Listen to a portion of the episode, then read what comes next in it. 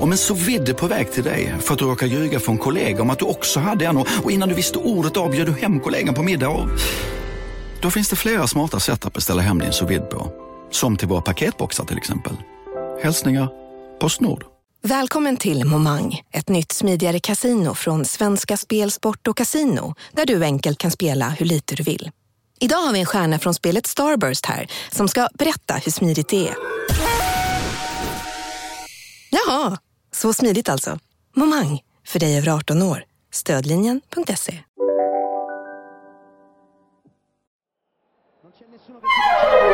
Du lyssnar på en podd från Perfect Day. Prova a lanciare ben grosso, che riesce a far passare il pallone. C'è ancora spazio per un traversone. Prova a prendere lo spazio grosso. Grosso in area di rigore. Sempre grosso, ancora in area di rigore. rigore.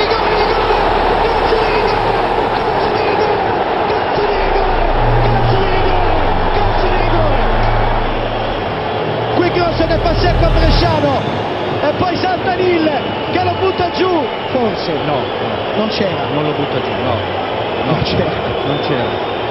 No. Non c'era, non c'è motivo. Non c'era. Non c'era. Ci può essere danno procurato.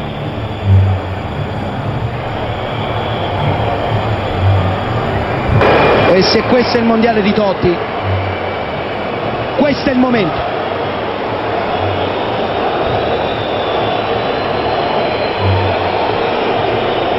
La partita è già finita.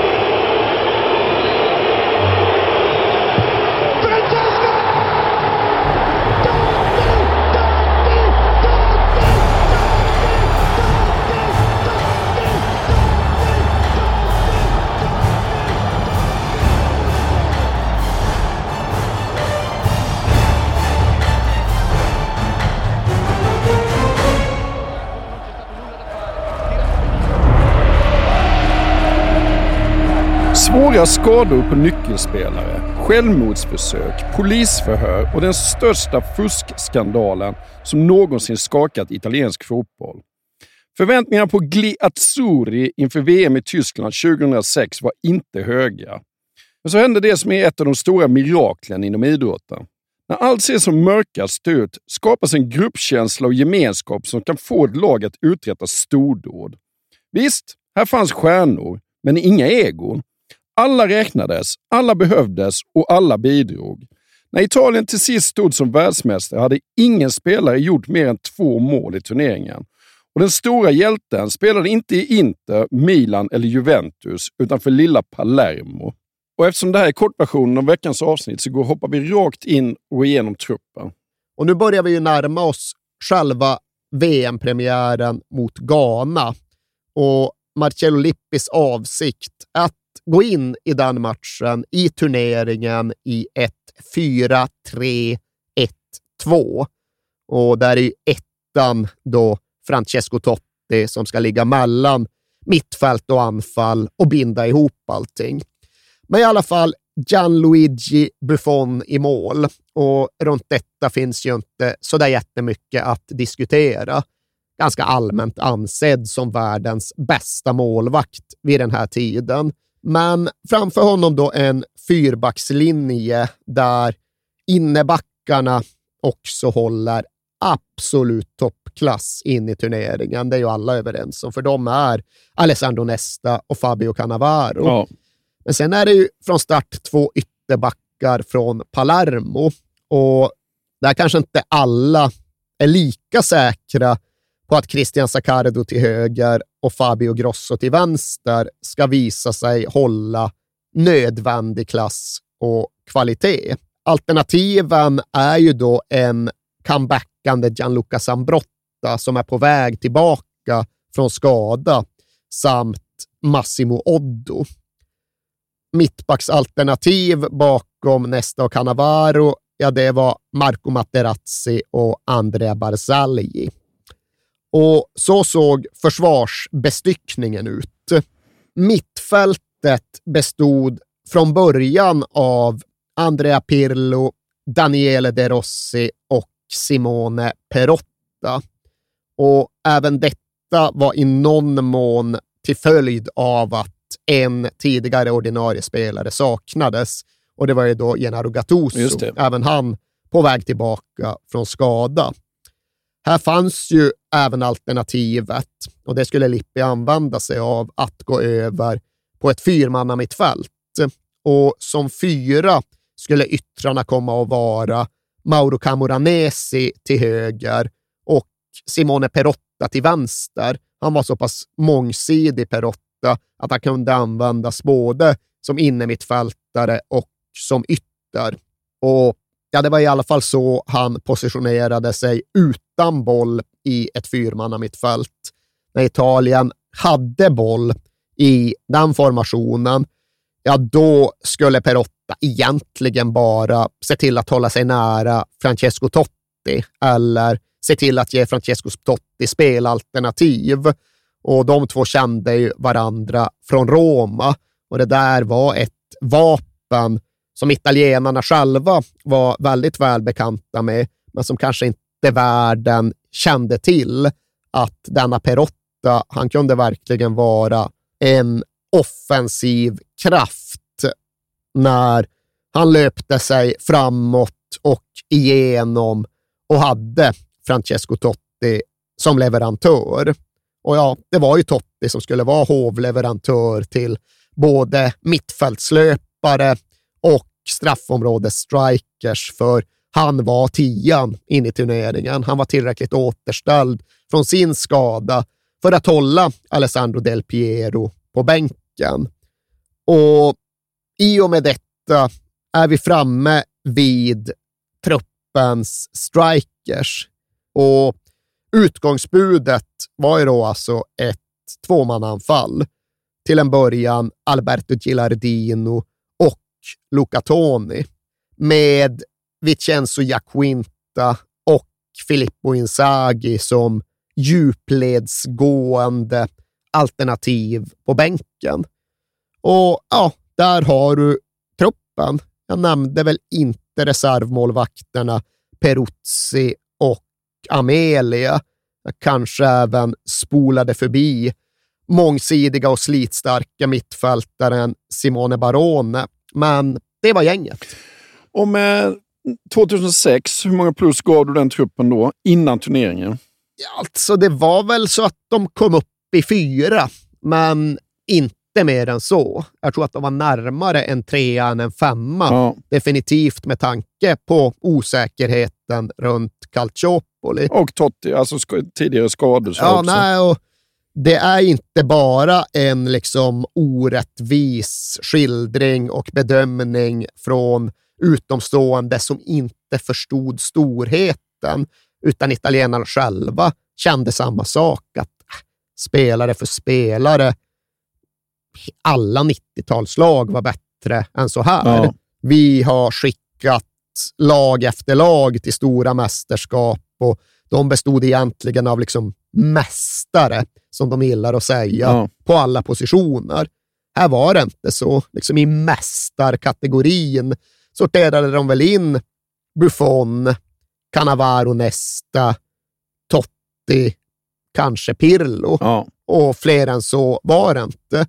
Och det var en ryggrad, det var en centrallinje, men det var inte ett 24-karatigt italienskt landslag, enbart sett till själva namnen och deras meritlistor. Men sen var det ju alla de här dolda värdena som inte syns när du bara skriver ner 23 namn på ett papper. Det var gruppdynamiken, sammanhållningen, enigheten och det var därtill faktumet att det här var ett, ja, det kanske inte var ett glittrande lag fullt av individualister, men det var ett kompakt och välbalanserat lag utan egentliga svagheter. Och det var ett lag som kunde spela både med och utan boll. Det kunde spela i båda riktningarna. Och nej, inte individuellt bäst, inte tekniskt bäst, men skulle det komma att visa sig taktiskt bäst. Ja. Extremt taktiskt, skickligt och väldrillat lag. Lippi har rätt ofta sagt det där med att ja, många åskådare tyckte kanske inte att vi spelade bäst, kanske inte förstod att vi spelade bäst, men det gjorde vi. Och vi spelade bäst eftersom vi tänkte bäst. Eftersom förståelsen för vad vi ville uppnå och det vi skulle göra var högre i det här laget än i något annat VM-lag. Och här var det ju inte spektaklet som räknades, utan det var substansen. Och när allt kom omkring, när Lippi själv satt hemma på kammaren och prioriterade, så var det liksom ingen diskussion om hur han tänkte, utan han utgick ju från nollan. Det här var ett lag som inte skulle släppa in några mål. Och han var ja, men ända från början trygg i att det skulle vara väldigt svårt att göra mål på detta Italien. Ja. Sen var det många utifrån och Lippi var inte alls missnöjd med att låta påskina att han skickade ut ett offensivt viktat lag. 4-3-1-2, ja det går att beskriva som en tremannakedja, offensiva ytterbackar, Pirlo på plan. Ja, men det här är som de säger i Italien, ett framhjulsdrivet lag. ja, ja. Och så var det inte. Det var Nej. ett bakhjulsdrivet lag. Men ja, det fanns den här parallella verklighetsbeskrivningen som Lippi gärna själv använde sig av. Att jo, jo, men liksom nytt Italien, Francesco Tottis lag, det är han som är nyckeln här. Och det var både sant och inte sant. Det var inte den största och viktigaste sanningen inför Lippi själv, men låt folk tro och låt folk prata så ska med tiden folk få se. Men det kommer att bli ett lag som ju skulle definieras av sin bredd snarare än sin spets. Här fanns ingen Toto Schilacci som gjorde sex mål och vann VMs skytteliga. Men här skulle ju alla offensiva alternativ bidra till målprotokollet. Ja. Om du tar de fyra anfallarna och så Totti och Del Pieri bakom, ja, alla de sex spelarna skulle göra mål under turneringen. Och därtill är faktum, och det här är ju jävligt ovanligt, att alla truppens 21 utespelare skulle få speltid. Det är helt fantastiskt faktiskt. Och det är ju inte så som det ofta är att i en mer eller mindre betydelselös match som tredje pris, ja, då skickar vi in Anders Limpar och ger honom Nej. tio minuter. Utan här var det ju skarpt läge hela vägen och det fanns användning och behov av alla dessa spelare. Och där gynnades såklart Italien av att det var inte ett så jättestort hopp från spelare nummer ett till spelare nummer 21 i truppen. Även de som då rankades lägst höll jävligt hög standard. Ja. Den 12 juni så är det dags. I Hannover så möter de Ghana i första matchen. Mm. Och det är såklart ingen lätt uppgift överhuvudtaget, för det är ett starkt Ghana.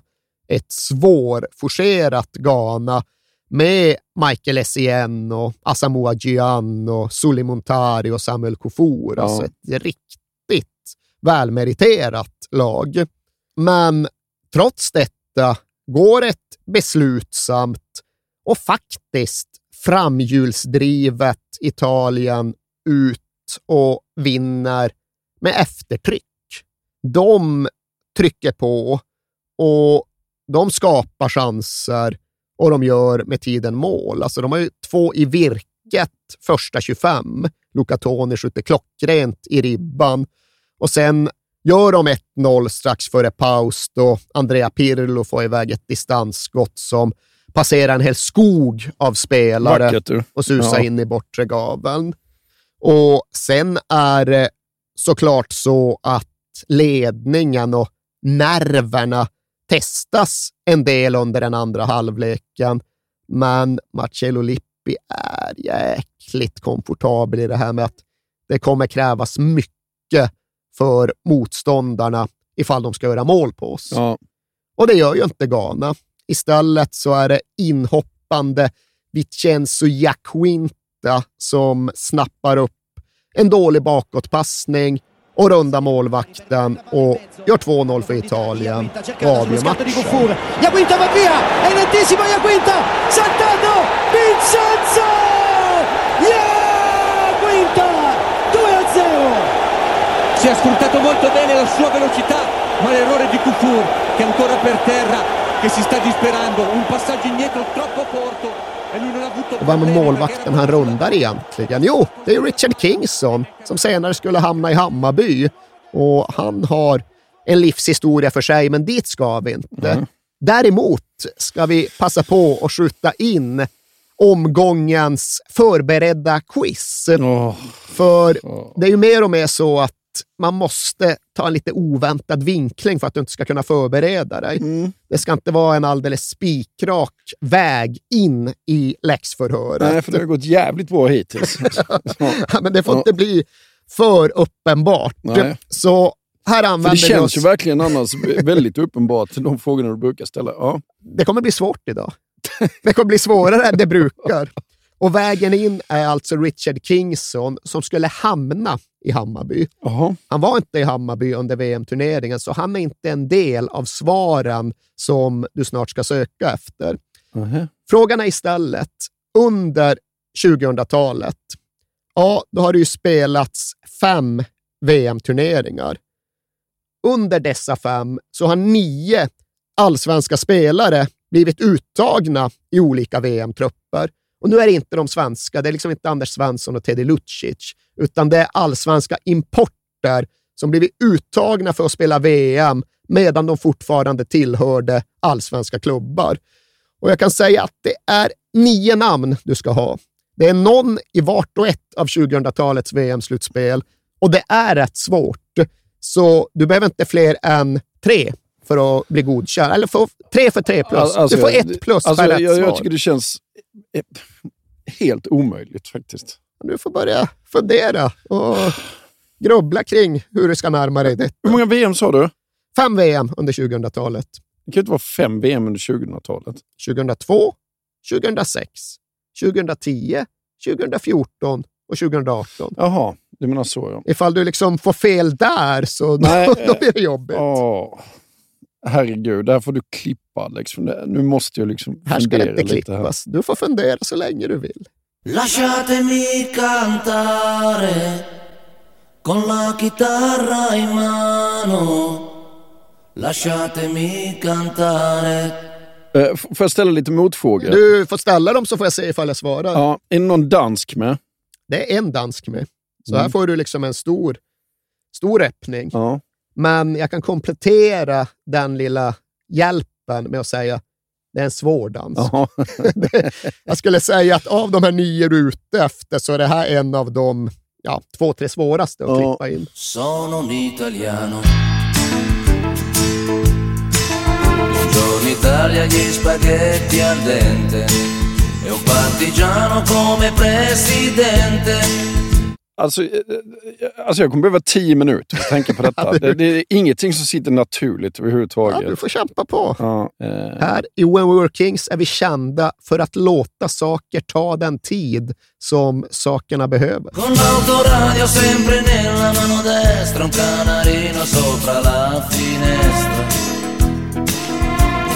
Italia con i tuoi artisti, con troppa America su... nu var jag på väg att säga kanske något dumt. Där. Ja, men det är, inte, det är inget som ligger dig i fatet. Eh, jag tyckte väldigt mycket om Ivan Obolo i Argentina. Kan han ha varit på, på sån nivå att han var uttagen? Jag tyckte också väldigt mycket om Ivan Obolo, men nej, så den nivån var han aldrig särskilt nära. Nej, för att de hade ju rätt bra. det får man Ja, säga. rätt bra. Alltså den offensiva alternativ. Ja, Ehm, Con le canzoni, con amore, con il cuore, con più donne, sempre meno suore. ehm, alltså jag måste ju bara tänka vilka, som var, vilka lag som var riktigt bra i allsvenskan under den här tiden. Alltså det är hela 2000-talet som är den här Jo, tiden, vet. så Ja, visst. Ja, Men det är, ja, du var inne på Ivan Obolo, det är två sydamerikanska spelare. ja. Sydamerikanska spelare, då pratar vi ju inte brassa eller argentinare. Då. Det kan vara ett antagande. Ja, så de spelar inte i allsvenskan. Och vad är vi då i för länder egentligen? Vänta, nu börjar det, nu börjar det liksom... Det börjar lossna alltså. Nej, det börjar inte lossna, men det, nu... Du börjar skönja konturen. Ja, jag ska bara se vilka länder vi har. Eh, Jag vill minnas att jag någon gång ställde quizfrågan kring vilka I nationer... Chiles trupp var han med. Vad heter han ehm, som spelade i Malmö? Nu börjar du se konturer. Ja, eh, bara därför kommer jag inte ihåg vad han heter. Men jag, jag, vet att han är med. Säg hans namn, för jag, jag måste vidare i tankarna. Han är ju med. Okej, ska vi pricka av? Du får inte rätt för det. Men Jo, du det får jag visst. Nej, det får du Jo, jag är skitdålig på namn. Jag börjar bli Du kan inte få gammal. rätt ifall du inte Nej. har sett efternamn. Ja. Eh, ja, jag skulle nog kunna tänka ut, men jag, jag måste vidare i tankarna, Erik. Okej, du får ett halvt rätt, för jag märker att det faktiskt ändå är rätt spelare du är ute Ja. efter. Mikko Albonos var med i den chilenska Ja. VM-truppen 2014. Han tillhörde då Malmö FF. Hur många sa du mer som var från Sydamerika? En sydamerikan. Och jag Till? kan, eh, också hjälpa dig med att säga att Mikko Albonos, han är ju då en av två svenskfödda spelare som har utnyttjat dubbelt medborgarskap. Det finns en till sådan, men sedan är de andra I Sydamerika? Nej, han är inte en sydamerikansk spelare. Men sen är då, det är två av nio. De andra sju är regelrätta allsvenska importer. Mm.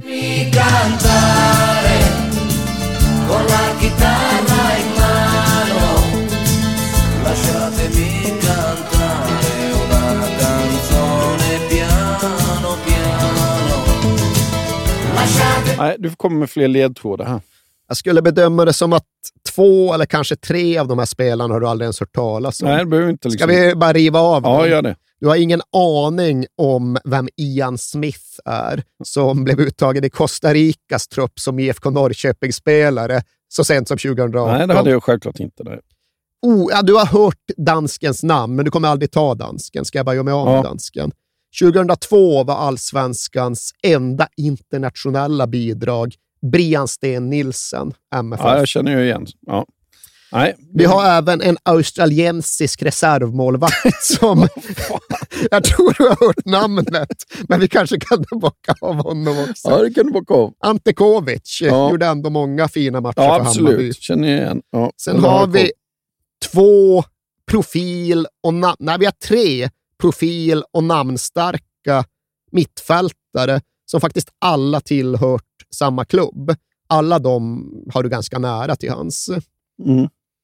Vi har då den sista svenskfödda spelaren och vi har även ett välbekant namn som nu faktiskt är tillbaka i allsvenskan och spelar där nu. Ja, någon av de fem, ett par, tre av de fem ska du väl ändå kunna hitta fram till. Eh, Vi har alltså en allsvensk klubb som skickade en välmeriterad mittfältare 2006, 2010 och 2014. Alltså inte en och samma välmeriterade mittfältare, utan tre separata välmeriterade mittfältare. Tre VM-slutspel i rad. ja. Du kan inte bara säga nej. Nej, men jag, jag, jag kommer inte vidare. Är det över? Ja. Det har tagit för lång tid också. Okej, klubben vi pratar om är AIK. Vet inte om det underlättar. Nej. 2006 så skickade de då den här enda afrikanen. Jaha. Derek Boateng, Ja. Ghana. Just det. Ja. Blev lite halvt viral för att han stod i spelargången inför matchen mot Brasilien och tycktes ge sken av att vara bästa polare med så liksom Adriano och Ronaldo. Och de bara, vem är vem? För lirare? Ja. 2010 så var det kontroversiellt nog så att Sebastian Egoren återvänt till Stockholm och AIK för att göra sig spelduglig för Uruguays VM-trupp. Den blev han uttagen i. Och 2014 så skrev ju faktiskt Celso Borges rätt mycket fotbollshistoria när han var med och drev sitt Costa Rica hela vägen till en kvartsfinal och ett straffsparksavgörande som de mycket väl hade kunnat vinna och bli semifinalister. Men riktigt så roligt skulle vi inte ha det. Nej. Så där har vi dem. Och sen har vi då ytterligare två spelare från VM 2018. En svenskfödd iranier från Oxie, Saman Ghoddos, då i Ja. Östersund. Och sen då Arna Traustason, då i Malmö, nu tillbaka i allsvenskan med Norrköping. Ja. Hur eh, tycker du själv att du skötte det, det, där? det, det är välbekanta namn, men jag hade, jag hade aldrig dragit dem. Det, det måste jag faktiskt erkänna. Jag får väl stå vid skampålen igen då. Det börjar vara välanvänt. Ja, jo, jo, jo. Du kunde ställa lite enklare frågor. Ja, det där var lite utslagsgivande. Det var ju mer utslagsgivande än nämn en fotbollsklubb från Cypern som vi hade häromveckan. Men ja, ja, det är ju underkänt Ja. såklart. Det går inte att se på något Ja, annat sätt. Okej, det tycker du ja. ja. Kan du inte ställa lite frågor som du vet att jag skulle klara av och kanske att svara på någon gång? För du känner ju mig utan och innan. Du vet ju att jag inte kan en enda av dem där. Det vet du. Ja, men någon gång har jag ändå Nej. försökt ställa frågor som jag tror du ska klara. Nej, det har du aldrig gjort. Jo, har- Nej. Och har jag klarat det så är det bara liksom så här, ah, du har fuskat eller något sånt där. det är ju ofta så. Ja. Men jag ställer ju frågor bara till hälften till dig. Till hälften går de ju också ut till lyssnarna. Ja. Där jag tror då att ja, men den genomsnittliga frekvensen på rätta namn var nog ungefär tre av nio. Jag skulle tro att snittet bland våra lyssnare Ja, ligger där. och sen så liksom det är klart, alla som är Die Hard AIK-fans, de har ju koll på de, här de kan ju tre spelarna. bocka av ja, ett. Nej, det, var inte så de mycket göra, HBK, liksom. det var det inte. Ja, nej, precis. Så ställde jag någon Halmstad-fråga här om sistens. Marcus Salman mot Besiktas. Ja. Men fan inga rätt för det. Nej, men det... Ja. Lasciatemi cantare Ja, ska vi gå vidare i den här historien nu? Det har tagit alldeles för lång tid. Ja, Där är vi inte överens, men vi är eniga om att vi ska gå vidare och då är det väl egentligen bara att fortsätta rätt in i Italiens andra gruppspelsmatch. Och den, Ja, och vi ska väl säga också att de får ju väldigt bra kritik efter den här matchen. Det, alltså det är på hemmaplan, att de har spelat jävligt bra. Ja, men Ghana var ju bra. Ja. Det var liksom eh, väl genomfört, stabilt, samtidigt ändå spetsigt. Som sagt, ganska offensivt viktat och anfallsglatt. Så där fanns fan ingenting att anmärka på. Andra matchen mot USA börjar också bra. Eller ja, den börjar i alla fall bra utdelningsmässigt. För Pirlo lyrar in en frispark och Gillardino nickar in 1-0 för Gli Azzurri. Men därpå blir de mer eller mindre överkörda av ett väldigt fysiskt och väldigt löpstarkt USA. Italien tycks liksom inte kunna klara av att stå upp mot detta.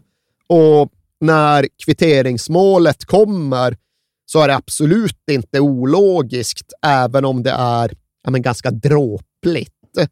Christian Saccardo ska ta undan ett inlägg, men missar bollen, stöter istället in den i eget mål med stödjefoten. Rätt dåligt ingripande Ja, måste man det faktiskt är säga. det ju, det men är inte det är sådär ju- bara otur. Liksom. Ja, det, är ju, det är ju olyckligt Ja. och det är såklart en jävla sak att hantera att göra självmål i ett VM. Saccardo beskriver sin egen initiala reaktion som att det var som att jag druckit adrenalin blandat med gift. Och ja, sen försöker Italien parera de amerikanska anstormningarna och försöker hantera den tuffa kampen där ute. Men de verkar inte riktigt vara kapabla till det utan att spela jävligt långt över gränsen. För Daniele De Rossi, jag ska inte säga att han går upp i en höjdduell. Han, ja, det är en höjdduell som ska ske, men snarare än att gå upp i den så dunkar han ju in en armbåge i huvudet på Brian McBride. Fan vad ful den Ja, det är. är fult så inåt Det är nästan som en Leonardo-vibbar Ja, på på. Tab Ramos, exakt. Ja. Ja. men det är det fan. Ja. One of those moments that left his colleagues staring at him and wondering what on earth's going on now. McBride's gone down. It was an elbow, and it results in the dismissal of De Rossi. And now they're up against it. They went out of the last World Cup in a shambles following the dismissal of Francesco Totti. They're not quite on the same edge this time, but they are down to 10 men. Det går liksom inte att argumentera eller diskutera. Han kommer väl med någon så här liksom försök till ursäkt gentemot domaren. Att ja, man ska upp i duell, hoppa, då använder man armbågarna. Det är inte så.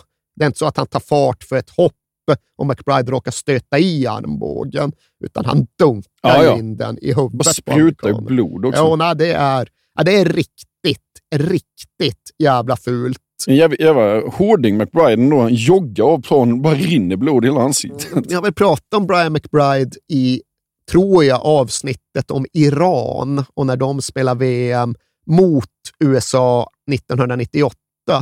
Då nickar ju Brian McBride in en reduceringsboll i den där matchen mot Iran och jag vill minnas att vi ändå kostade på oss den här anekdoten om hur han själv förklarar liksom kraften i sitt huvudspel med att hänvisa till hur han lärde sig headbanga på metalkonserter som ung. just det, ja. Så är liksom kraft i nacken på Brian McBride. Han kan nicka in bollar, han kan stå emot en italiensk armbåge. Ja. Han har fan headbangat till Anthrax.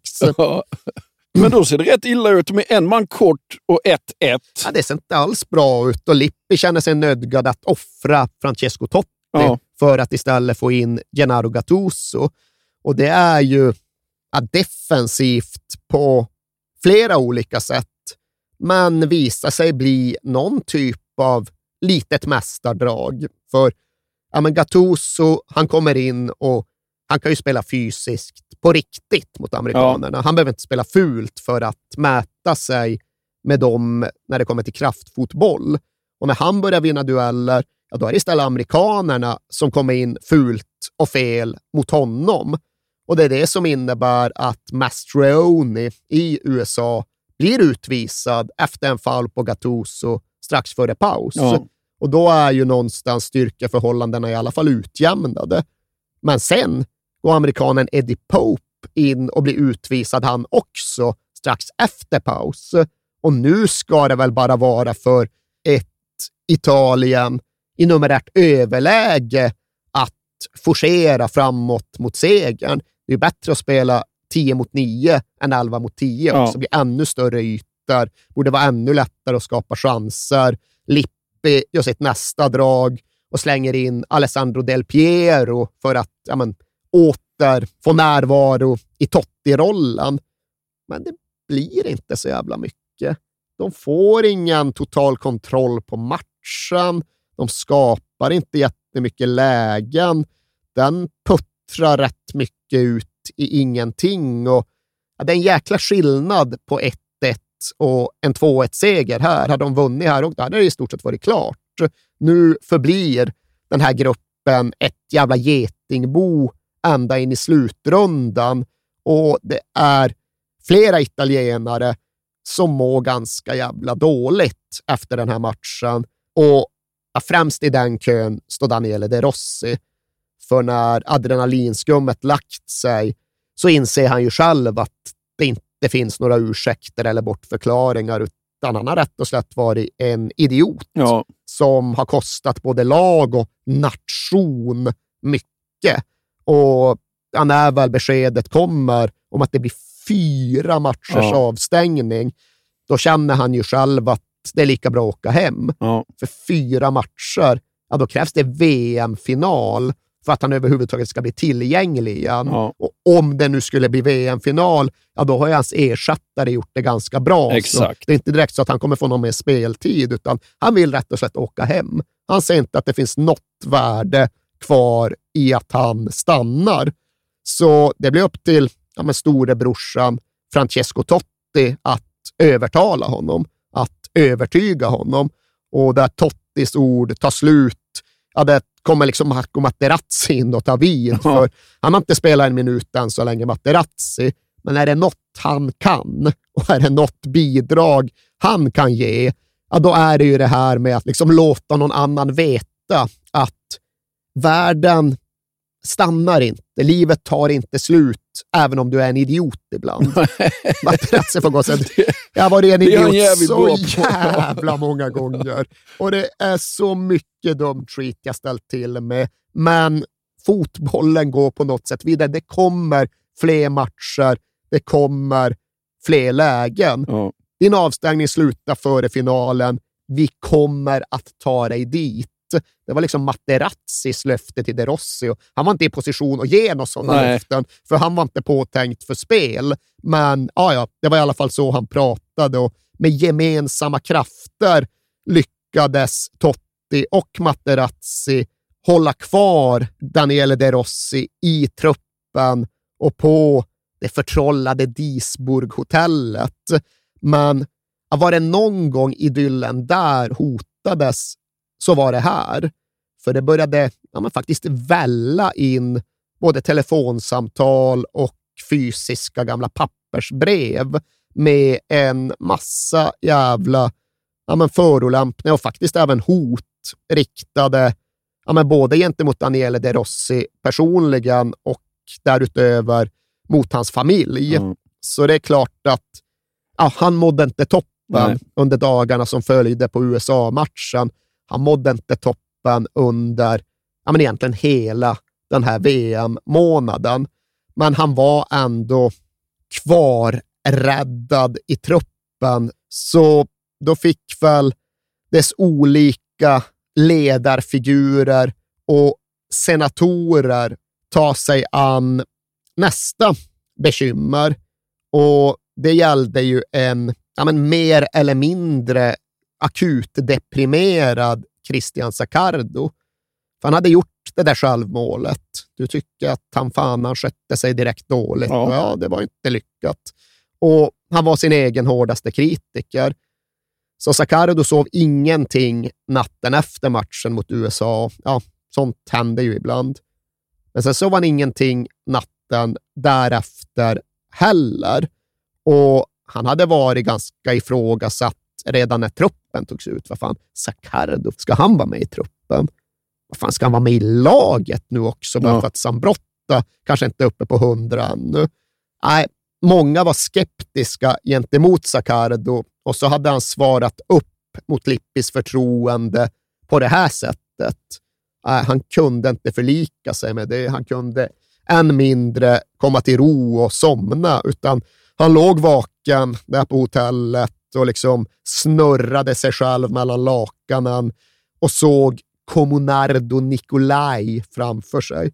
Vet du vem Comunardo Nej. Nicolai var? Det var den italienska fotbollens eviga självmålskung. Jaha. Speciell snubbe, liksom, döpt efter en grupp franska revolutionärer på 1870-talet. Italiensk mästare med Cagliari, Mhm. otroligt nog. Och då kan man ju tycka att fan, det borde väl vara nog för ett eftermäle, men nej då. Enbart kungen av självmål. Ja. Och han gjorde totalt, jag vet inte om det var sex, sju självmål i Serie A, men han hade också någon episod så där han spelade, det var någon situation, kom de vissla, han uppfattade det som att okej, nu är det avblåst, det har blivit straff för motståndarna.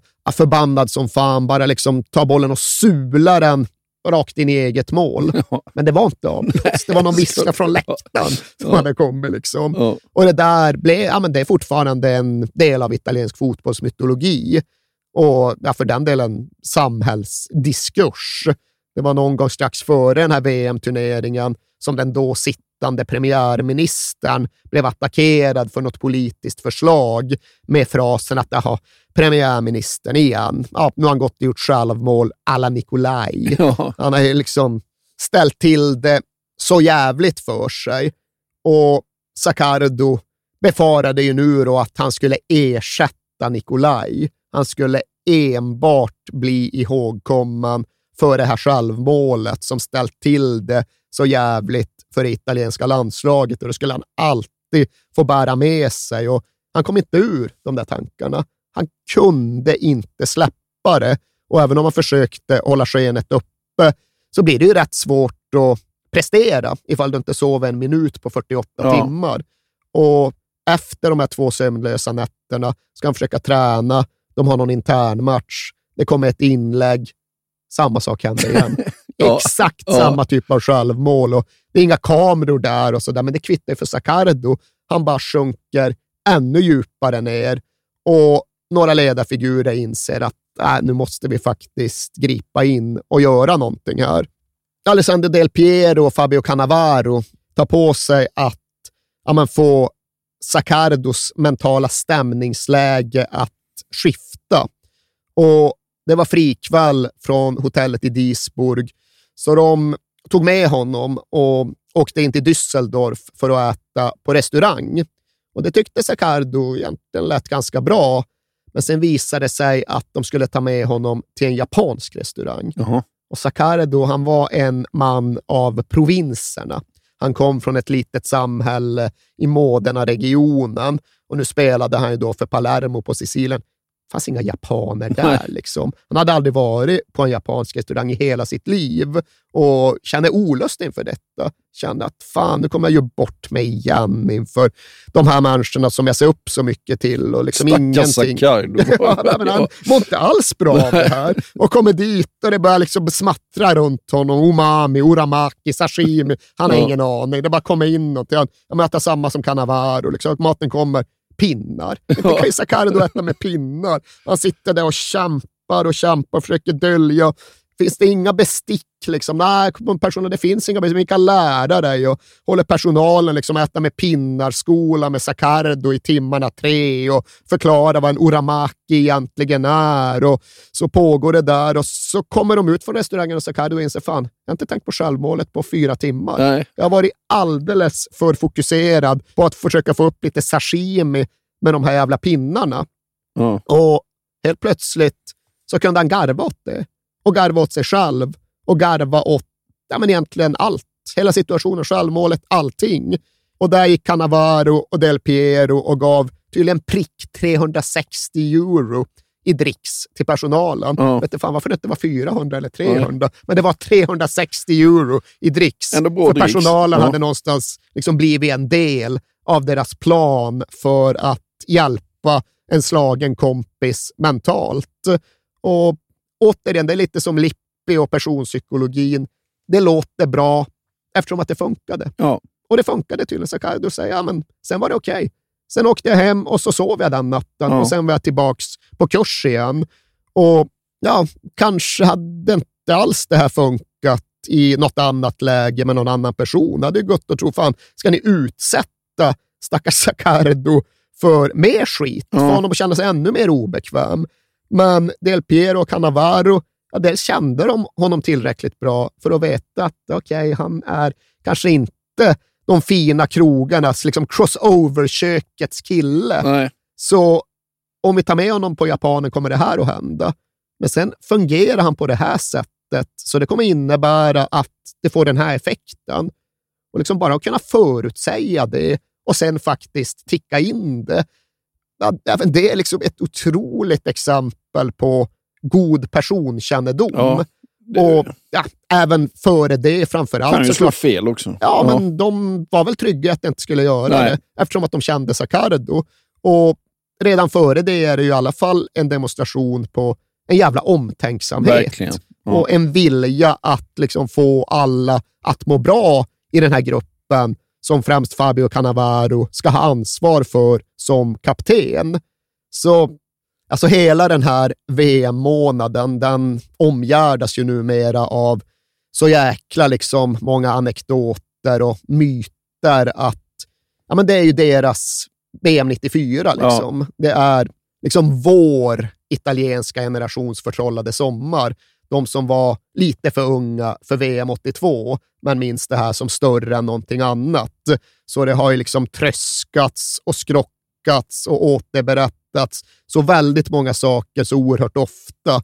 Och vi bör inte ta med alla dessa skepparhistorier, men vi väljer ju att återberätta några eftersom att vi tror att en del av dem har ja, men en vidare betydelse. Den säger någonting om Ja. någonting. Och just den här grejen med Saccardo, för den delen även grejen med De Rossi, det säger någonting om liksom det kollektiva ansvarstagande som fanns naturligt i den här gruppen. Ja. Konnichiwa. Wir begrüßen Sie herzlich im Nippon-Kan. 1964 in Düsseldorf eröffnet, sind wir das erste japanische Restaurant in Europa. Tradition wird deshalb groß geschrieben. Von der Einrichtung über die Kleidung bis hin zum Essen. Hier ist alles typisch japanisch.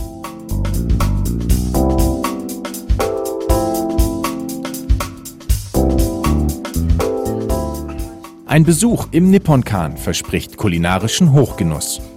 Über 30 Fischsorten werden hier zubereitet. Unsere Köche zaubern köstliche Sushi und Tempura. Besonderes Highlight das sechsgängige Hummermenü. Diverse Vorspeisen und japanische Getränke runden das Angebot ab.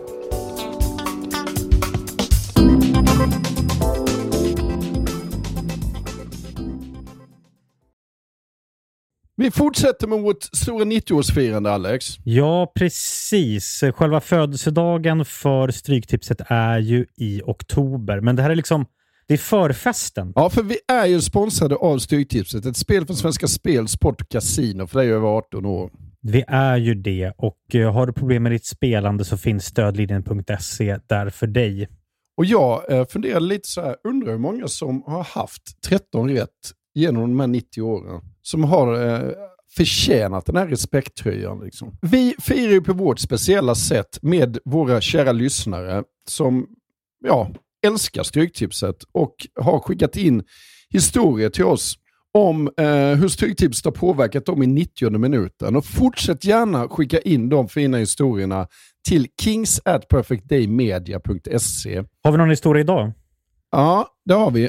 Och den kommer från Thomas. Den är kort Mm. koncis. Mm. Den går så här. Jag vill tro att detta är 2010. Arsenal spelar otrolig fotboll och ska bara städa av Sunderland och leder med 1-0 på stopptid. Mm. Jag har 12 rätt med häng på 13. Jag minns som sagt inte vilket år det är, men målskytten glömmer jag aldrig. Darren fucking Bent. Han bombar in 1-1 och 12 blir 11 som sen blir 10 rätt. Styrtipset är verkligen otroligt och otroligt grymt ibland. Tack för en fin podd.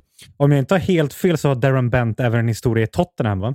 Det har han, verkligen. Ja. Men det går Så- vi inte in på nu. Nej, men det var ju ändå fint att Darren Bent sänker Arsenal för Sunderland. Ja, det får man ändå säga. Men vi säger stort tack till Thomas och vi säger stort tack till våra vänner på Stryktipset.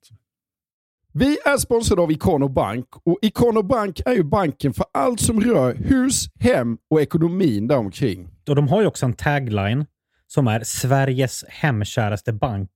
Är inte det exakt det man är ute efter när man söker efter en bank? En bank med tydliga, bra bolån, privatlån, sparande med schyssta villkor, konkurrenskraftiga räntor, Håkan. Det är väl det enda man bryr sig om i dessa dagar. Ja, och så vidare. Så är det faktiskt. Ja. Ja. Och de har ju faktiskt rätt att kalla sig Sveriges hemkäraste bank därför att Ikano Bank startades av grundaren till Ikea. Precis. Och om inte det är hemkärt så kan man verkligen fråga sig vad hemkärt är. Ikano Bank har precis släppt en större rapport som heter Tre dimensioner av rikare boende. Mhm. Där man undersökt och presenterat statistik kring vad svenskarna värdesätter med sitt boende. Och deras första undersökning visar ju någonting ganska häpnadsväckande. Eller hur? Det gör ju det. Kan du, kan du berätta? Ja, den visar att trots det höga ränteläget så har mindre än hälften av svenskarna vidtagit någon form av åtgärder det senaste året för att förbättra sin boendeekonomi. Ja, det låter ju inte så bra kanske. Nej, det gör du verkligen inte. För att undersökningen genomfördes i augusti och det är bara 45% som har gjort det. Och av dessa har endast 16% av bostadsägarna förhandlat om lägre ränta. Mhm. Mm. Många verkar ju ha en uppfattning om att det är jobbigt och krångligt att byta bank, vilket det inte är.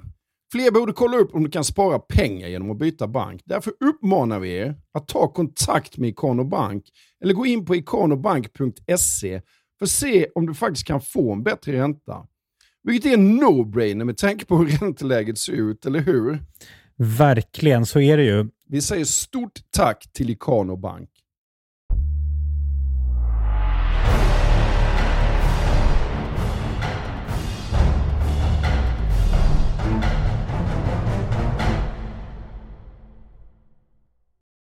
De har gjort en bra match mot Ghana, de har gjort en ganska dålig match mot USA och i sista gruppmatchen är Tjeckien som ser rätt bra ut på pappret. va? Ja, starkt Tjeckien, liksom Rosicki på Borski framför allt, Pavel Nedved och Petr Cech i mål. Ja. Alltså, det är ett bra europeiskt landslag, starka 3 plus och Italien då kanske svaga 4 plus.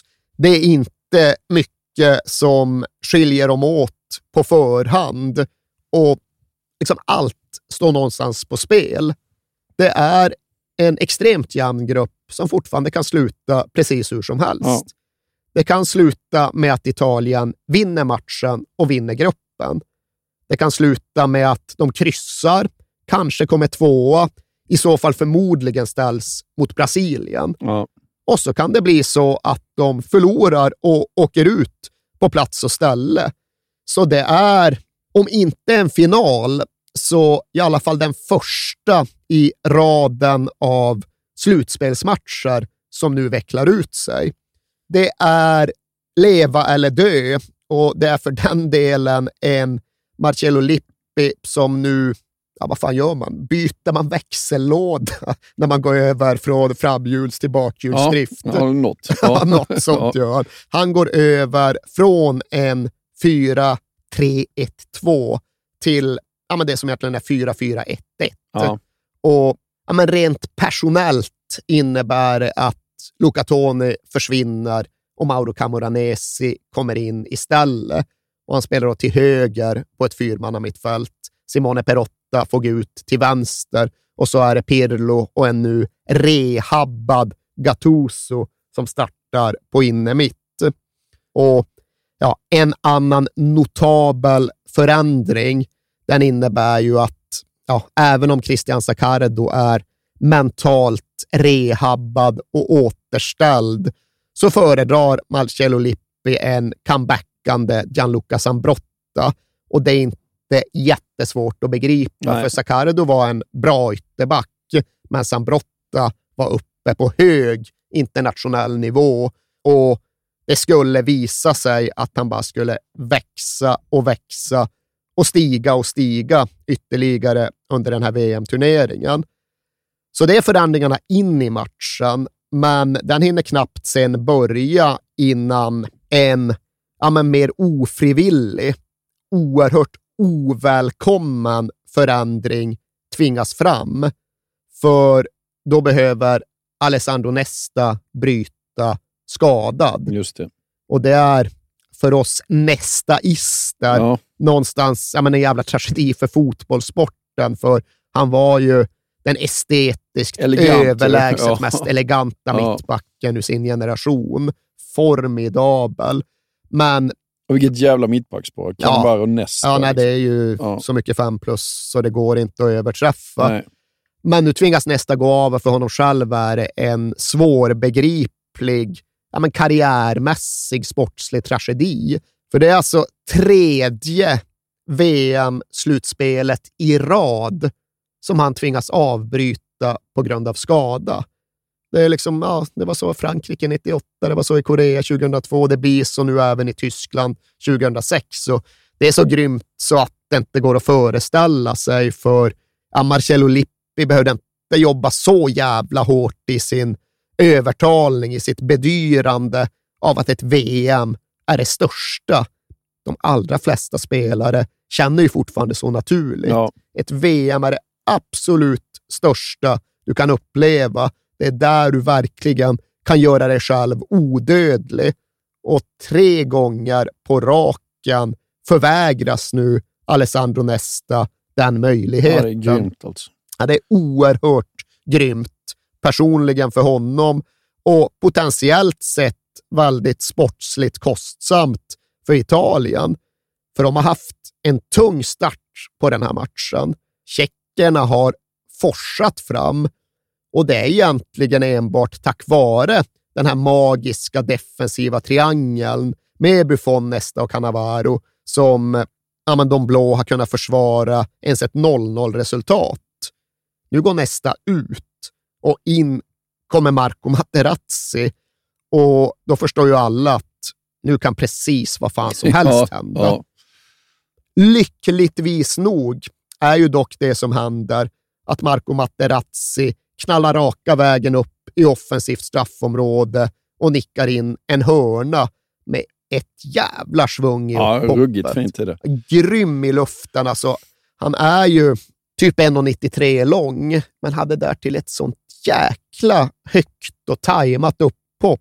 Så när han tog luft och fattade väder, då var det fan inte många i världen som hade en chans i en höjdduell mot honom. Nej, och sen så ser man ju efter, alltså han är så lycklig och så stolt och så redo för detta, liksom, att äntligen få vara med. Ja, alltså den enes bröd och allt det Ja. där. På en individuell nivå blir det ju så. För Alessandro Nesta, han hade varit ämnad för att dominera ett VM. Ja. Han hade varit ämnad för att lyfta VM-bucklor. Och det hade inte Marco Materazzi varit. Han hade varit ämnad för att slugga runt på italienska provinsplaner och han hade varit ämnad för att ständigt vara ifrågasatt och kritiserad som ständigt kontroversiell.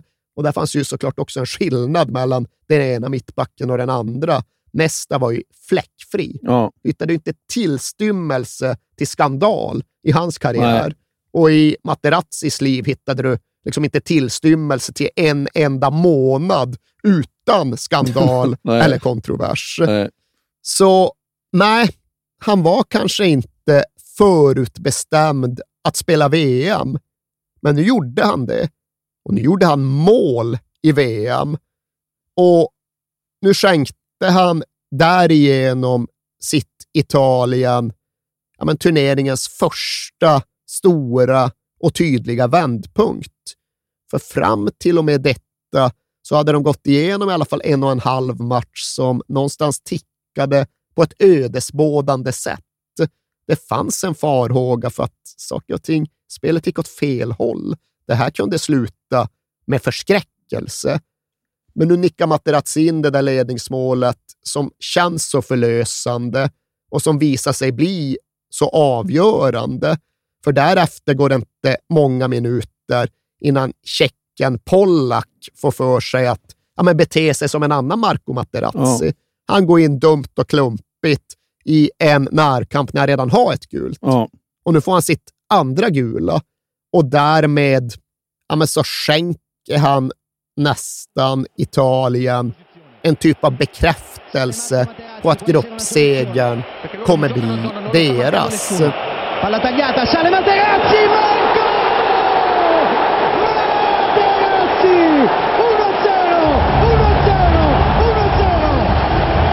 L'ho anticipato, non lo stavano marcando nessuno, loro giocano a zona, rimangono tutti in linea e se tu permetti a Materazzi di arrivare, di staccare così, è immarcabile. Materazzi che nell'Inter non riusciva a trovare gol in queste stagioni, trova il gol più importante della carriera in un momento decisivo. Solo Han tar ett rött precis innan halvtid också, så att de kan bara gå in och förbereda sig på ja, men så här spelar vi nu. Ja, och det gör de bra. Ja. De gör inte på något outstanding sätt, för den andra halvleken är lite väl öppen för att Marcello Lippi ska vara helt nöjd. Liksom ett tiomanna Tjeckien med en Edved, de skapar ändå en del halv och några helchanser, så det är lite väl mycket osäkerhet som hänger kvar ända in i matchens slutskede. Men när du behöver ett mål, när du behöver ett definitivt avgörande, vem nyttjar du då? You gonna call? Pippo Inzaghi. Pippo Inzaghi.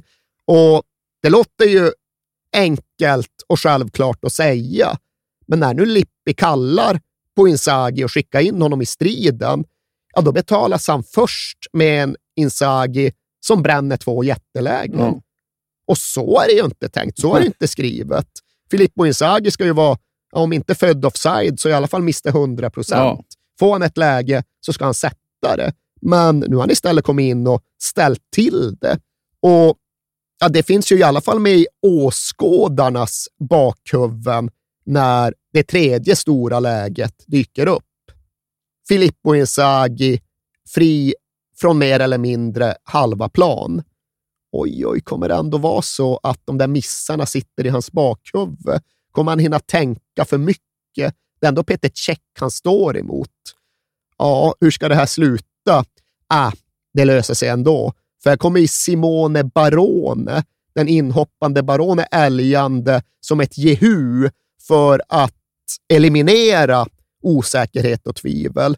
Filippo Inzaghi behöver inte ta något avslut. Han behöver bara lägga en passning på tre meter i sidled så är Barone helt ensam framför ett övergivet mål och det går liksom inte att missa. Nej. Det är två mot målvakt. Målvakterna kommer ut. Det är bara att rulla en i sidled så är allting klart. Inte Filippo Inzaghi. Två missade chanser. Ja, då är det väl fan bäst att göra mål på den tredje. Så istället för att bara rulla den där passningen som är helt omöjlig att missa, ja, då får han ju för sig att liksom trampa runt en väldig Peter Cech. Han liksom går själv, drar bollen i sidled och Cech är ingen dålig målvakt. Han rör på fötterna, han följer med. Han är fan två centimeter ifrån att kunna stöta undan den med sin hand och bevara dramatiken. Men Inzaghi tar sig precis runt honom och rullar in bollen i tomt mål och firar naturligtvis som att det där var liksom hattrick-målet i en VM-final efter att ha skjutit på volley från 45 meter. Ja. Och det här kommer ju sen att bli ett liksom running gag, ett stående skämt under resten av turneringen. Liksom så fort de är ute på träningsplanen och Inzaghi får bollen. Passa nu till Simone för fan! Bollen till Barone!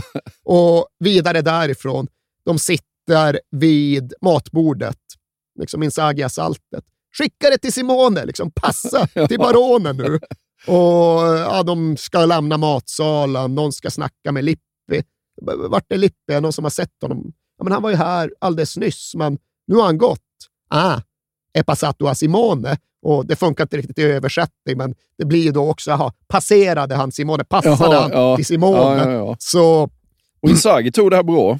Ja, ja absolut. Alltså, när han inte är ensam mot målvakten så är han ju en resonabel herre. Det är bara i det läget som han är helt jävla oresonlig. Annars är han ju en men, reflekterande och godmodig person, så han hade inga problem med det där. Men hade samma situation uppstått igen i VM-semin, så inte fan hade han passat till Simone. Nej, nej, nej, nej, nej. Jan Kulowski ancora dentro per Steiner intervenuto Perrotta poi Totti Totti ancora per Perrotta un po' lungo il pallone stiamo soffrendo adesso perché provano a fare veramente il forcing finale i giocatori della Repubblica Ceca abbiamo ripreso palla.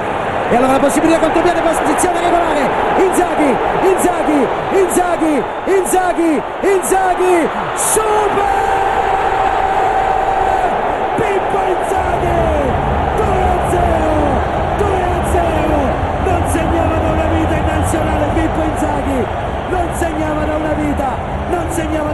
dall'11 ottobre 2003 contro l'Azerbaijan Inzaghi per il 2-0 Hej, Synoptik här. Visste du att solens UV-strålar kan vara skadliga och åldra dina ögon i förtid? Kom in till oss så hjälper vi dig att hitta rätt solglasögon som skyddar dina ögon. Välkommen till Synoptik. Här sitter jag i en ljudstudio tillsammans med ett sjölejon för att berätta att McDonalds nu ger fina deals i sin app till alla som slänger sin takeaway förpackning på rätt ställe. Även om skräpet kommer från andra snabbmatsrestauranger, exempelvis Eller till exempel Ja, precis. Ah, dåliga vibrationer är att skära av sig tummen i köket. Ja! Bra vibrationer är att du har en tumme till och kan scrolla vidare. Alla abonnemang för 20 kronor i månaden i fyra månader. Vimla! Mobiloperatören med bra vibrationer. Ja, det är då match nere i Kaiserslautern mot Gus Hiddings Australien. Och, ja, men nu var jag tillbaka på det italienska tåget. Från och med den här punkten såg jag alla deras matcher på plats. Och den här fighten, ja, den minns jag ju. Ja. Till skillnad från Ja, uppvärmningsmatcherna mot Schweiz och Ukraina så kommer jag väl ihåg mycket från den här matchen. Och jag kommer ju ihåg hur svårt Italien hade det redan från start. Redan under den första halvleken. För okej, Harry Kewell var skadad, men det var ju ändå Vidukas och Cahills fysiska Australien. Lite så USA Exakt. fysik. Påminde mycket om amerikanerna som Italien hade haft så svårt för. Och Hiddink gick nästan ännu tydligare mot en typ av man-man-spel. Så det blev dueller mest hela tiden. Det var mycket en mot en och det var oftast australiensarna som vann de tvekamperna. Så 0-0 i paus, men ifall det nu var något lag som låg närmare ledning så var det fan Australien. Och in i pausvilan, alltså var Lippi än en gång vansinnig på egentligen samma grunder. För nu tyckte han att han hade fått vatten på sin vredeskvarn. Liksom, ni tyckte kanske att jag överreagerade. Ni tror kanske inte att det är en så stor grej det här med att ni läcker startälvorna. Men här och nu är det ju uppenbart att det är inte det enda som sipprar ut. För Hiddink, han har ju tillgång till våra spelmönster. Ja. Han vet exakt vad det är vi har tränat på de senaste dagarna. För som ni vet har ju vi satt en del nya passningsmönster. Vi har övat på en del nya spelvägar som vi inte använt oss av hittills i turneringen. Så de kan inte Hiddink ha scoutat. Ändå är det ju helt uppenbart att han och hans lag känner till detta. Ja. De vet precis vad vi ska göra. Och det är ju då konsekvensen av att ni, era jävla förrädare, har skjutit den egna saken i sank. Och ja, där kan inte jag riktigt bedöma ifall det var på det sättet, ifall det hade skett så här och om det sen hade fått den här konsekvensen. Inte fan vet jag om Hiddink verkligen hade läst in de där spelvägarna, om han hade det. Ja, det kanske hade funnits någon spion i buskarna utanför träningsplanen i Disburg, snarare än att en italiensk spelare mer eller mindre hade satt sig vid telefonen, ringt någon för att bara liksom berätta för vidareförmedlande. Ja. Ja, men på många sätt Italiens lägsta punkt under det här VM-slutspelet, den här halvtidsvilan. För inte nog med att de slet och plågades sportsligt, dessutom hade den här liksom sockersöta enighetskänslan hamnat under attack, antingen utifrån eller inifrån. Så det var illa och snart skulle det bli värre. För Marco Materazzi hade ersatt Nesta med en jäkla förtjänst mot Tjeckien. Men det gick liksom inte att komma runt att han var en lös jävla kanon på däck. Nej. Och det går att se på domarbedömningen som nu följer på olika sätt.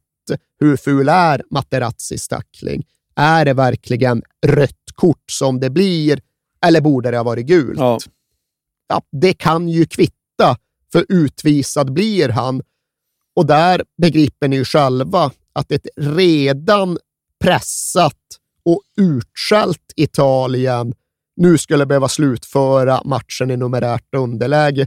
Ja, det var inga goda nyheter och det var inga goda prognoser. För vad var det här? Det var fem minuter in i andra eller någonting. Till att börja med skulle de försöka baxa 0-0 till 90, för det var ju det som blev uppgiften. Ja. Därefter skulle de försöka ta det ytterligare vidare en halvtimme till. Så de stod inför ett scenario där de skulle behöva försvara sig med en man mindre i 75, kanske upp mot 80 minuter. Ja.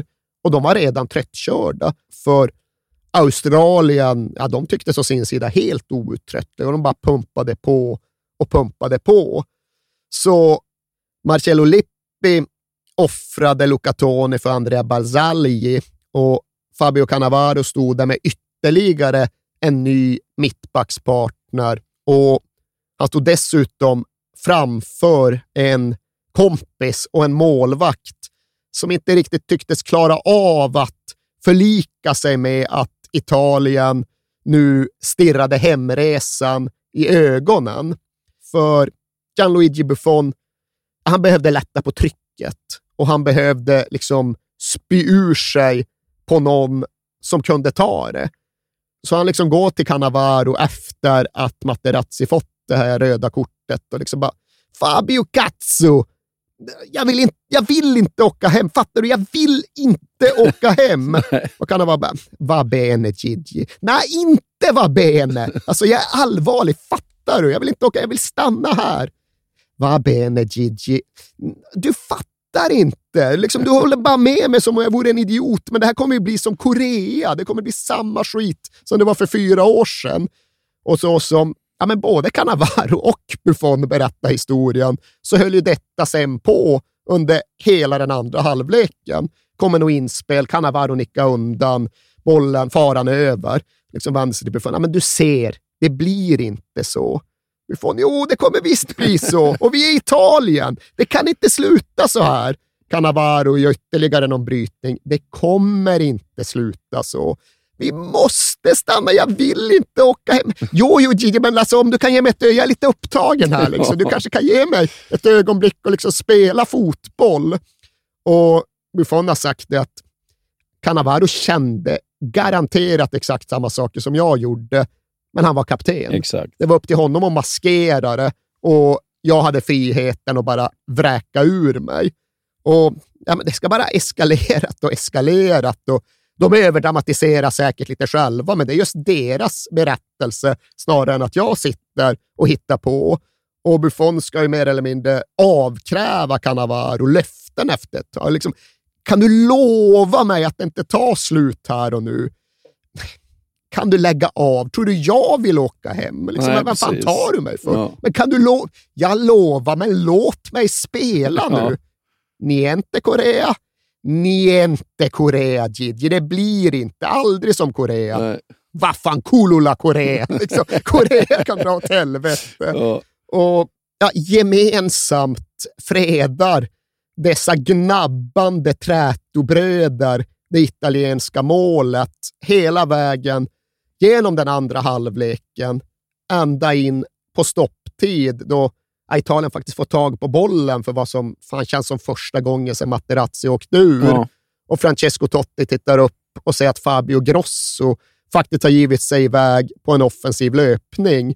Så piska ut crossbollen till Grosso och Grosso går in mot straffområdet, utmanar den australiensiska högerbacken Lucas Neal och Neal går ner och Grosso faller. Och Jag vet inte hur du ser på situationen. Jag tycker det är skitsvårt faktiskt. Jag, jag är lite för okunnig för att avgöra egentligen. För att han... Vet, vad, vad säger du? Alltså grejen är att jag satt väldigt nära den situationen i Kaiserslautern och jag minns väl att jag där och då upplevde som straff. Ja. Det där är straff. Liksom, Vad fan, han går ner och Grosso kan inget göra. Sen minns jag också att ja, men jag satt på en plats där jag inte hade tillgång till någon reprismonitor, så kan det ibland vara på välbesatta pressläktare. Och Det innebar att jag efter slutsignal kände ett behov av att ringa hem till redaktionen och stämma av. Alltså, var det straff? Jag uppfattade det som straff och de bara, nej. nej, ska vi säga något så är det nog mer närmare att fria än att fälla, för om något så söker ju Grosso upp kontakten. Det gör han. han springer in i en liggande Men hur spelare. ofta gör inte spelare det? Ja, alltså och- sök ett ben eller så. ja. Och grejen är ju också här att det är tveksamt. Det är förmodligen lite mindre straff än det faktiskt är straff, men det är en bedömningssituation. Och det går att tolka den på olika sätt. Så även idag med alla dessa VAR-kameror så hade det blivit straff. För huvuddomaren tog sitt beslut och det går inte att säga att det är klart, tydligt, uppenbart fel. Nej. Så det hade stått alldeles oavsett. Ja. Ja, men här har då möjligheten till fotbollsfrälsning trillat ner över italienarna från ingenstans. Det gick verkligen inte att se den här chansen komma, men nu fanns den där. Och en grej med Lippis lag, och det kan verkligen framstå som lite märkligt, var att det tydligen inte var utsett någon straffskytt. Det där skulle ge sig självt, mer eller mindre. Och det framstår ju som att fan, det leder väl mest bara till obeslutsamhet och förvirring. Men ja, till historien hör att Francesco Totti själv inte kan berätta hur det blev så att just han skulle slå straffen. Han minns inte hur det gick till. Det enda han vet är att plötsligt står han med bollen i händerna på väg fram mot straffpunkten. Han vet inte hur han har fått bollen. Är det någon som har givit den till honom eller liksom stött, rullar den bara fram till honom? Strunt samma. Nu står han där med bollen i händerna. ja, då är det väl kanske förmodligen så att jag ska skjuta, kolla sig omkring, liksom vilka andra alternativ. Pirlo, vart fan är Pirlo? Ah, Pirlo står långt borta vid bänken och dricker vatten. Han verkar inte så sugen på att skjuta. Så ja, i hans eget huvud, i hans egna tankar, så var det måhända inte fastslaget av Lippi att han skulle slå den här straffen, men det var på något sätt ändå förutbestämt. Ja. Det skulle behöva bli så. Och fram till och med nu hade ju inte Totti haft någon fantastisk turnering. Nej. Han hade någon ass och han hade såklart bidragit, men han hade inte varit Francesco Totti. Han kände själv att han hade gått från kanske 50 procent när turneringen började till måhända 70 procent Ja. nu, men inte nära maxvarv. Och ja, det måste ju bidra till den mentala kampen in i den här situationen. I grund och botten är det ju göra mål eller åka ur. Ja. Ifall de bränner den här straffen, de står inte emot i 30 minuter till. Nej. Så det är ja, men verkligen himmel eller helvete. Och det är det dels i relation till den italienska fotbollsnationen, men för Totti personligen, kanske framför allt i relation till Marcello Lippi, som har satsat så mycket och så tydligt på honom, som har givit honom allt det där förtroendet som Totti känner att han har fått ut mer av än han skulle fått på 30 år av andra tränare. Och ja, men Detta trots att han ju faktiskt inte ens har fått starta den här matchen. Nej, precis. Det här var ju en match där han roterades, sparades för större och svårare uppgifter och där Del Piero därmed startade istället. Så in från bänken, fram mot straffpunkten, allt eller inget. Och som ni vet hade ju Francesco Totti slagit en ganska speciell straff i EM-semin 2000. Ja. Det var ju då han hade chippat in en Panenka när läget var som allra mest spänt. Och det måste man verkligen ha klart för sig att ingen slog några chippade Panenka-straffar i början av 2000-talet. Nej. Det fanns inte på repertoaren. Folk kunde skjuta i mitten, men då sköt de hårt. Ja. Det var typ ingen som hade gjort i en riktigt stor match sen Panenka 1976. Så det Totti hade gjort då, ja, men det var unikt och det var så oerhört omtalat och det antogs säga så mycket om vilken vildhjärna denna Totti verkligen var. Och det var en uppfattning som även de nära honom delade. Hans lagkamrater var minst sagt bekymrade inför risken att han nu skulle gå fram och slå Panenka, Ja. eller Cucciaion som de säger i Italien, skeden, ännu en gång. Och det funderade ju Totti på. Ja, det hade han ju långt gångna tankar på. Men han är ändå så snabbtänkt att han hinner gå igenom och utvärdera och avfärda den möjligheten på väg fram mot straffpunkten. För han tänker att ah, den där har ju blivit världsberömd och den har vevats så ofta och det här är liksom före de virala tiderna, men han känner ändå att den har ju Schwarzer sett. Australiens målvakt är väl medveten om att jag har slagit den här straffen, så han kommer kunna vara beredd på den. Nej, det får inte bli en Cucciaio den här gången. Det får inte bli någon lös lyra mitt i mål.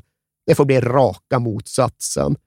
Så med 94-26 på klockan går Francesco Totti med stålblick fram och bara nitar dit straffen stenhårt i skyttens vänstra kryss. Ja, alltså det, det är liksom sträckt vrid, rätt upp krysset. Ja. Nej, det går ju inte att slå den, men det går inte att rädda. Nej. Det är omöjligt att Ja. rädda den straffen. Och att eh, pressa fram den i det läget av den matchen, det är smått osannolikt starkt. Och det blir ju också Francesco Tottis stora bidrag till den här VM-sagan. Ja. Det blir inte riktigt hans turnering. Han får inte rollen som vare sig han själv eller Lippi hade tänkt, men han bidrar ju. Och aldrig bidrar han mer än han gör just här. C'è ancora spazio per un traversone. Prova a prendere lo spazio Grosso. Grosso in area di rigore. Sempre Grosso, ancora in area di rigore.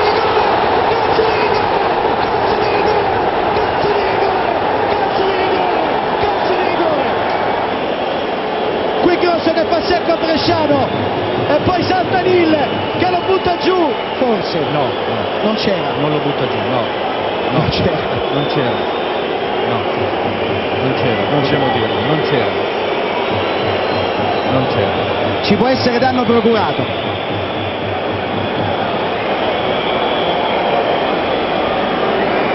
E se questo è il mondiale di Totti, questo è il momento.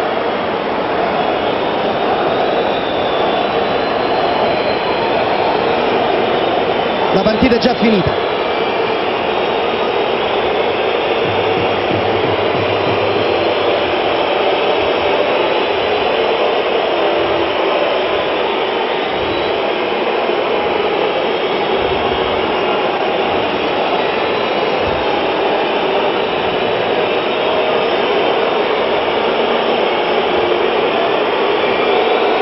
Totti contro il Schwarzer.